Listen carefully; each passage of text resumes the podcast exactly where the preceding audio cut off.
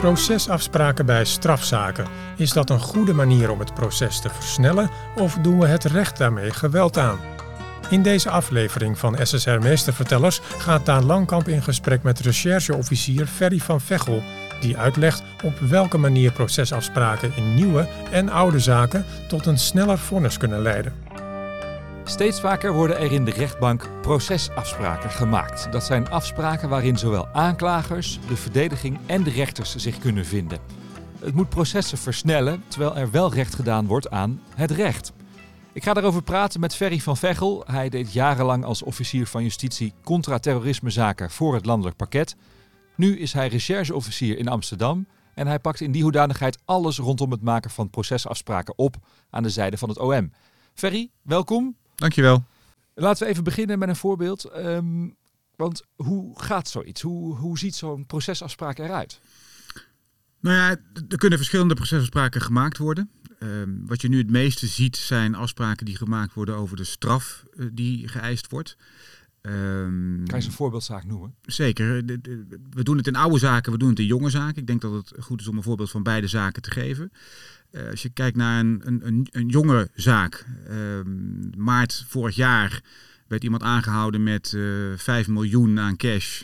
100 kilo, ongeveer 100 kilo aan kook, met kook van cocaïne. en een hoop vuurwapens. Dat zijn zaken die normaal gesproken jaren kunnen slepen. Omdat er allerlei onderzoekswensen worden gedaan.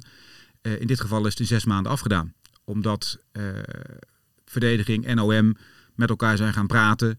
En hebben gezegd, nou wat is nou een redelijke eis om in deze zaak neer te leggen? Dat was 4,5 jaar uiteindelijk. En dat heeft de rechtbank ook gevolgd. Dus een zaak die normaal gesproken jaren kan duren, kan dan in zes maanden afgedaan worden. En hoe, hoeveel tijd zit er dan tussen het maken van die afspraken en, het, en de uitspraak in? Daar is gewoon 14 dagen. De, de, nou, de, de afspraken worden eerder gemaakt. Die zijn. Uh, de zaak is na drie maanden voorgekomen. Toen is gesproken over procesafspraken. En is ook afgesproken over drie maanden komt die zaak weer op zitting. In die tussenliggende drie maanden zijn de afspraken gemaakt. Die zijn naar de rechtbank gestuurd. Die zijn op de zitting in september door de rechtbank besproken. En die leiden uiteindelijk twee weken later tot een vonnis. Uh, geen hoger beroep. Uh, zaak is gewoon afgedaan. Uh, voor dat iedereen is super snel. Hè? Dat is super snel. Ja. We gebruiken het ook voor zaken die, die ouder zijn. Um, en een goed voorbeeld daarvan is een zaak bij de rechtbank Zeeland-West-Brabant aan het eind van dit jaar. Dat was een stokoude zaak. Uh, een bedrijf had asbest in de grond gebracht in 2014. In 2018 was die zaak een keer bij de rechtbank aangebracht. Dat betekent dat die ook afgedaan moet worden door een rechtbank. Dan kan die niet meer teruggetrokken worden. En in 2022 zijn partijen weer eens een keer met elkaar gaan praten. En zijn er uiteindelijk uitgekomen dat uh, het bedrijf 5000 euro zou storten in een fonds voor asbestslachtoffers. En dat het Openbaar Ministerie haar eigen niet-ontvankelijkheid zou vragen. Dat is vrij uitzonderlijk. Ehm, maar wel passend in deze zaak. En de rechtbank heeft dat gevolgd. En dan zie je dat een zaak die eigenlijk heel oud is. Al heel lang sleept. Heel lang sleept. Waar um, iedereen vanaf wil, misschien ook wel. Iedereen vanaf wil, dat je die op deze manier op een maatschappelijk zinvolle wijze kan afdoen. Ja. Dat is wel pure winst. Ja. Nou, twee mooie voorbeelden. Het is ook een heel actueel thema, hè, nu procesafspraken. Ja, het is een heel actueel thema, omdat um, op dit moment wordt de, de laatste punt en komma gezet aan een aanwijzing van het Openbaar Ministerie. Wij zijn uh, daarmee begonnen vorig jaar met, met, met het opschrijven van die aanwijzing, zodat ook voor de advocatuur en voor de rechtbank duidelijk is welke spelregels wij binnen het Openbaar Ministerie hanteren voor het maken van die, van die afspraken. Dat heeft even vertraging opgelopen in die zin, omdat gewacht is op, het, op een arrest van de Hoge Raad. De Hoge Raad heeft ook iets over procesafspraken gevonden in september vorig jaar. Um, dus, die dus die aanwijzing is nu klaar. En inmiddels wordt er ook al gesproken over. Er moet ooit een wet komen. Hoe moet die wet er dan uit gaan zien? Ook daar vinden nu de eerste verkennende gesprekken over plaats. Het is een buitengewoon actueel voor, uh, onderwerp. Um, uh, wat, wat eerst nog pionieren was, wordt nu steeds beter gekaderd. En daarmee denk ik ook meer zeker voor de toekomst. Ja, want laten we even, laten we even terug in de tijd. Eh, op een gegeven moment is dit opgekomen. Hoe ging dat? Ging dat altijd goed?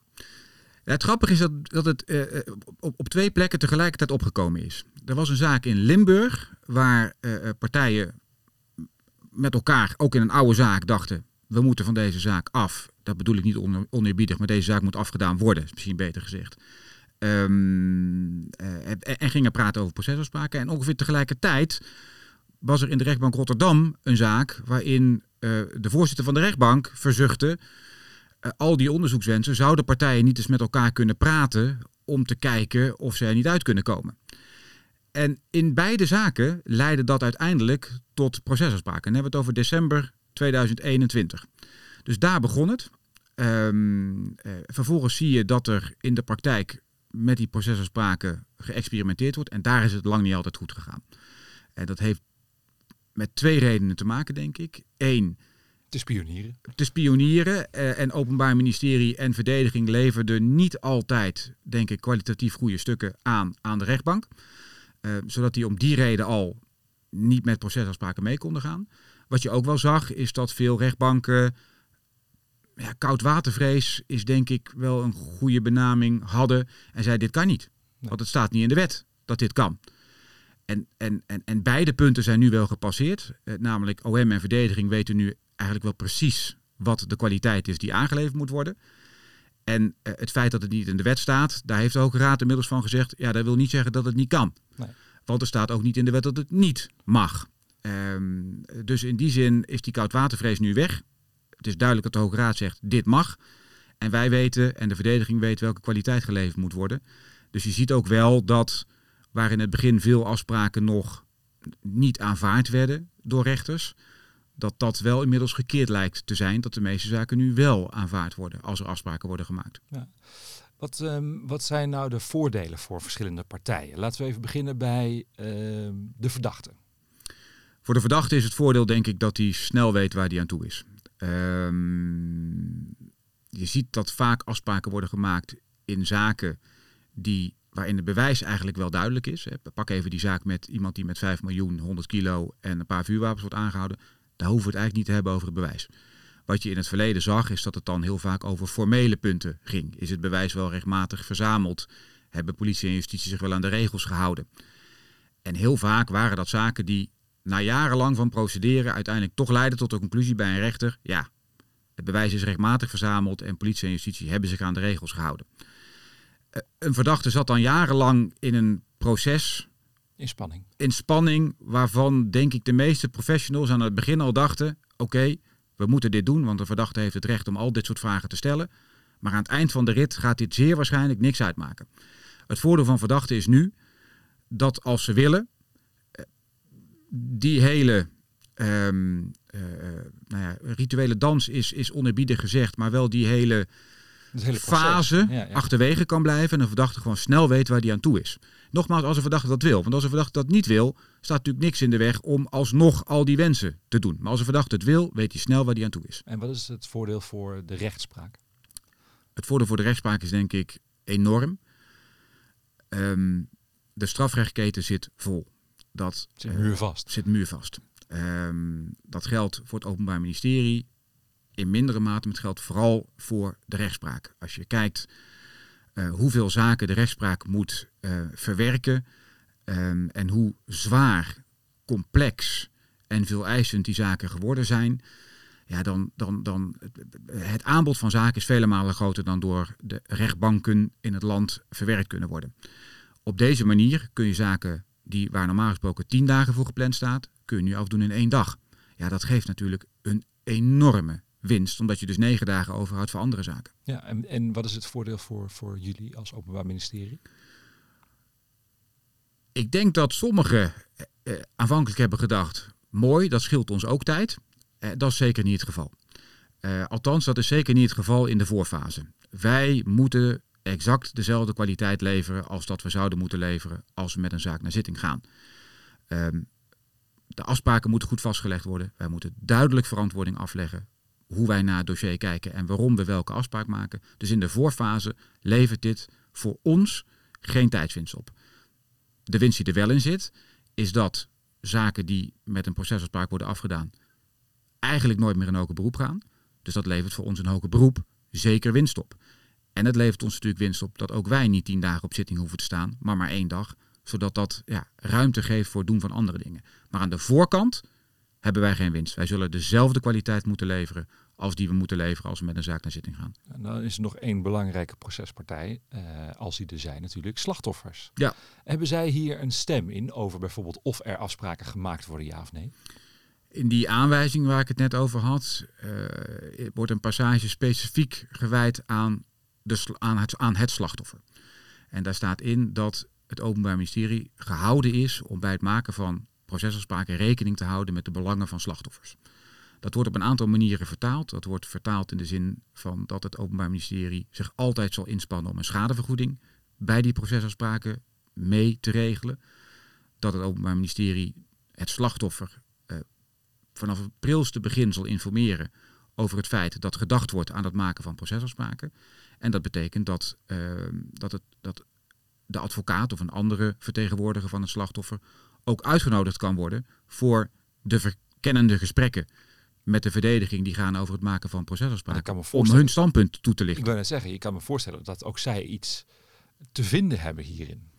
Ze hebben in elk geval iets. In bepaalde hoogte. Ja, ze hebben in elk geval iets te vinden van. Um, uh, natuurlijk hebben ze iets te vinden. En natuurlijk is dat een, een, een, een aspect wat meegewogen moet worden bij het maken van procesafspraken. Uh, dat gesprek waarvoor ze uitgenodigd worden, dient er in elk geval voor, zodat zij zich over de schadevergoeding kunnen uitlaten en wat daarmee moet gebeuren. En natuurlijk kunnen zij in dat gesprek ook aangeven wat zij vinden van het maken van procesafspraken. En zullen wij dat mee moeten nemen in de afweging. Het is denk ik niet zo dat als een slachtoffer zegt ik wil het niet, dat het daarmee niet doorgaat. Maar het is wel een zwaarwegende reden die we moeten meewegen in onze afweging. Ja, want is, dit, is het maken van procesafspraken, is dat uh, kan dat passend zijn in elk type zaak? Ik kan me voorstellen dat het voor een, een drugszaak waar uh, inderdaad wapens worden gevonden of, of geld, dat is heel wat anders dan een moordzaak of een, of een verkrachting. Kan ik me voorstellen. Helemaal waar. Um, in de aanwijzing hebben we wel gezegd dat alle zaken zich in beginsel lenen voor procesafspraken. Dat is om niet op voorhand zaken uit te sluiten. Ik hoor een dikke maar. Daar zit zeker een dikke maar in. Want eh, kijk, de, de hele procedure van procesafspraken, eh, een zaaksofficier die dat wil doen, die moet intern best een procedure doorlopen. Waarbij een belangrijke rol ligt voor een rechercheofficier om te toetsen of deze zaak zich nou leent voor procesafspraken. Eén. En twee, of de afspraken die gemaakt worden recht doen. Um, voor mij als rechercheofficier is het op dit moment moeilijk denkbaar dat je procesafspraken maakt in zaken met grof geweld. Of um, uh, waar slachtoffers er ernstig aan toe zijn uh, geraakt. Voor mij is het moeilijk denkbaar dat je in die zaken procesafspraken maakt. Maar ik wil het niet opgenomen hebben in de aanwijzing. Waarom?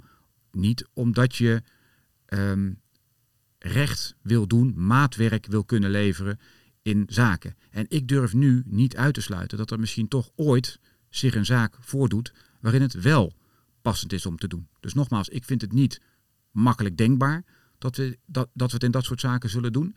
Um, maar ik wil niet dat het in de aanwijzing komt te staan dat we dat niet kunnen doen. Want dan ligt het ook vast dat ik het niet kan doen in een zaak waarin het misschien toch passend is. Precies, ik wou zeggen, je moet natuurlijk ook een, een passende straf vinden. Um, nog even terug naar de verdachte, want je mag natuurlijk in die procesafspraken ook niet de rechten van een verdachte inperken, toch? Nee, nee, zeer zeker niet.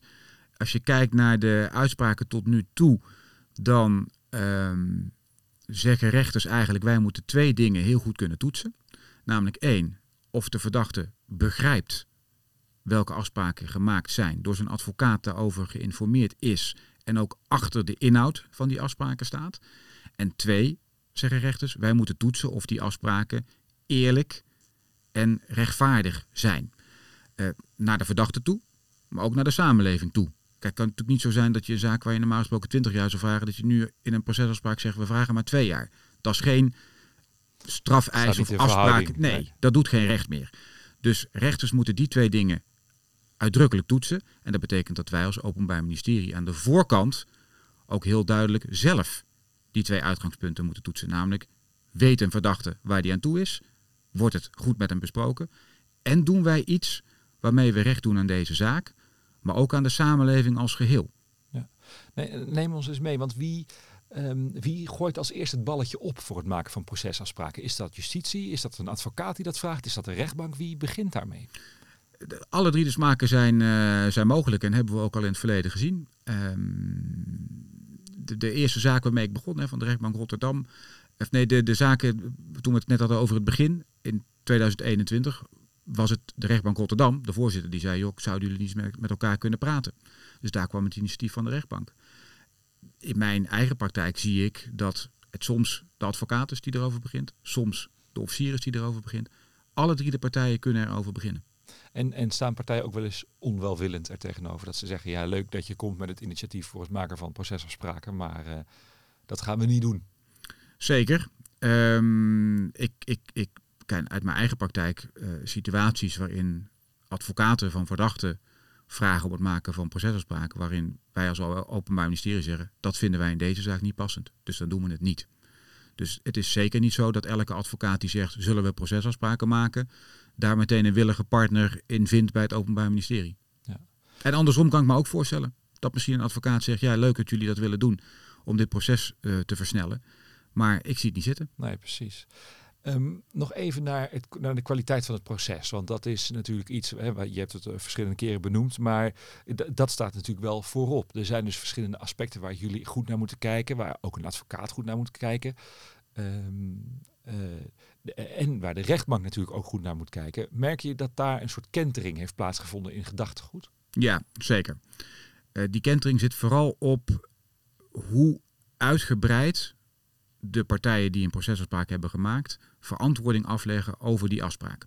Kijk, op het moment dat je naar een rechtbank gaat en zegt: uh, we hebben twee feiten op de telastlegging staan: invoer van 100 kilo en het bezit van 5 miljoen aan cash.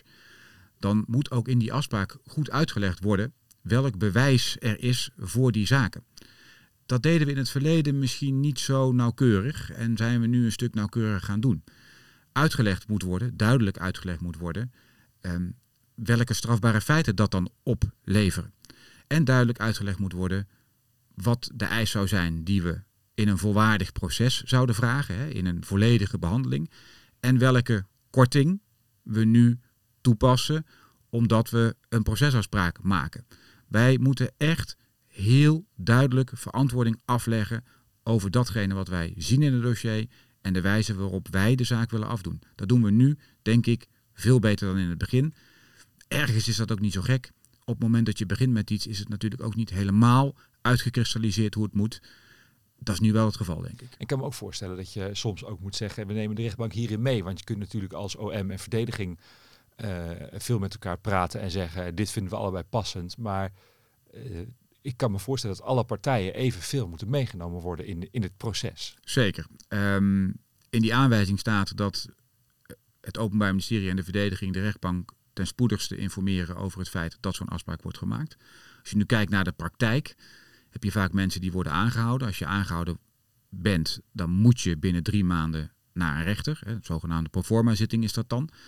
Um, dan wordt de zaak nog niet inhoudelijk behandeld, maar wordt er eigenlijk alleen maar gekeken naar het voorarrest. Dat is nou bij uitstek een zitting waar Openbaar Ministerie en Verdediging alvast bij de rechtbank in de week kunnen leggen kunnen toetsen hoe de rechtbank erin zit um, met betrekking tot het, tot het maken van procesafspraken. Dat is in zo'n eerste zitting, vind ik eigenlijk, dat je als Openbaar Ministerie en Verdediging al tegen de rechtbank moet zeggen: rechtbank, wij zijn voornemens procesafspraken te maken. En dan zou het heel fijn zijn als een rechtbank, onder het voorbehoud uiteraard van het uiteindelijke oordeel, zegt: ja, we kunnen ons voorstellen dat, het, dat in deze zaak gedacht wordt aan het maken van procesafspraken. Daarmee committeert de rechtbank zich totaal niet.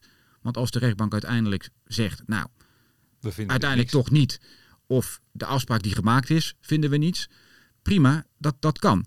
Maar het zou wel fijn zijn als partijen een richting krijgen op zo'n eerste uh, zitting. En ook als een rechtbank misschien op zo'n eerste zitting aangeeft, oké, maar als jullie over procesafspraken gaan denken, neem dan ook deze aspecten mee. Dan weten we dat. Nou, Um, bijvoorbeeld een slachtoffer. Er zit een slachtoffer in, in de zaak. Ik kan me best voorstellen dat je als rechtbank dan uh, in zo'n voorlopige zitting zegt... nou, wij kunnen ons best iets voorstellen bij het maken van procesafspraken. Maar voor ons is dan wel belangrijk dat jullie de verdediging meenemen. Vragen aan de verdediging wat het standpunt is. Um, je kunt als rechtbank natuurlijk best een richting geven. Een soort regie pakken. Ik denk dat zeker als het gaat om strafeisen, uh, afdoeningsvoorstellen zoals, die, uh, zoals wij die noemen, dat het heel erg fijn is als rechtbanken regie nemen. De rechtbank Noord-Holland heeft eh, vorig jaar in een zaak, toen het allemaal nog niet zo, zo, zo soepel liep, heeft ehm, iets heel moois gezegd, vind ik. Die heeft gezegd, partijen, dus Openbaar Ministerie en rechtbank, of eh, Openbaar Ministerie en verdediging, moeten de rechtbank in staat stellen om regie te voeren. En de rechtbank mag geen onverwachte of onvoorstelbaar, onvoorspelbare factor zijn.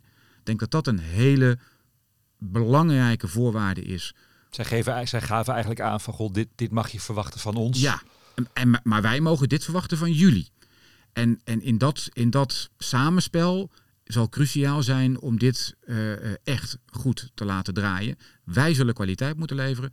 En rechtbanken zullen geen onvoorspelbare factor moeten zijn. Dus de kaarten voortdurend tegen de borst houden om op het allerlaatste moment te zeggen, wij vinden het toch niks. Nee. nee precies. Dus als je er dan open voor staat, geef het dan aan en geef een soort spoorboekje mee. Ja, en als je er niet open voor staat, geef dat ook aan. Ja. Want dan kunnen we ook verder. Ja, precies. Um, hoe zie je de, toekomst van procesafspraken in? want je zei, het is nu helemaal in ontwikkeling. Er komt een aanwijzing, er wordt nagedacht over een, over een nieuwe wet. Gaat dit de toekomst zijn van uh, de rechtspraak? Dit zal zeker niet voor alle zaken uh, geschikt zijn. Het zal een modaliteit worden, een manier worden om zaken af te doen. Ik denk een, een belangrijke manier om zaken af te doen, maar een manier om zaken af te doen. Dit, wordt niet, dit is niet het ei van Columbus wat de oplossing is voor alles. Het kan wel bijdragen aan uh, een effectievere en gestroomlijndere uh, rechtspraak. Um, maar denk je dat het vaker gebruikt gaat worden? Nou ja, er werd laatst uh, heel um, uh, juichend getwitterd dat er inmiddels 100 zaken uh, gepasseerd zijn waarin procesafspraken zijn gemaakt, waarvan 78 zaken waarin ze ook aanvaard zijn. Ik maak me er sterk voor dat die 78 zaken in het, meer in het, in, het, in het tweede deel liggen van de tijd dat we ermee bezig zijn, omdat in het begin nog best veel sneuvelde. Als je dan kijkt dat je het hebt over 100 zaken in anderhalf jaar, en heb je het over meer dan één zaak per week in het land die afgedaan wordt met een procesafspraak. Dat geeft wel een indicatie van waar. En dat is nog in een, in een tijd waarin we dus geen wetgeving hebben, waarin we nog geen aanwijzing hebben. Dat geeft denk ik wel een indicatie van hoe belangrijk het middel kan worden. Ja, en, en dus ook uh, hoe, hoe, welke voordelen dat kan hebben voor de samenleving. Als, in, als die zaken sneller gaan, want het gaat er soms ook best wel om grote zaken. Het gaat zeker om grote zaken en, en eh, je moet er ook dubbel naar kijken. Het is voor die zaak is het fijn dat de zaak snel uh, gaat, maar het is ook voor andere zaken fijn. Wij, zien nu best vaak dat grote zaken met meerdere verdachten, dat het soms twee jaar duurt voordat die inhoudelijk behandeld kunnen worden. En dan zien we ook best vaak dat die verdachten hangende hun proces vrijgelaten worden. En ergens snap ik dat, omdat je mensen niet heel lang wil laten zitten um, uh, totdat hun zaak uiteindelijk behandeld kan worden. En ergens is het maatschappelijk best onaanvaardbaar dat mensen die verdacht worden van de smokkel van duizenden kilo's, dat die hun proces in vrijheid mogen afwachten en hem soms gewoon smeren, om maar even populair te zeggen. Dat is maatschappelijk natuurlijk best onverantwoord. De hoop is dat op het moment dat je meer procesafspraken kan maken, dat, dat die zaken die wel naar de zitting moeten, met zoveel verdachten, dat die niet meer twee jaar hoeven te wachten voordat ze behandeld kunnen worden, maar in een jaar behandeld kunnen worden. Dankjewel. Ferry van Veghel. Dit was SSR Meestervertellers. Blijf op de hoogte en abonneer je op deze podcast. Graag tot een volgende keer.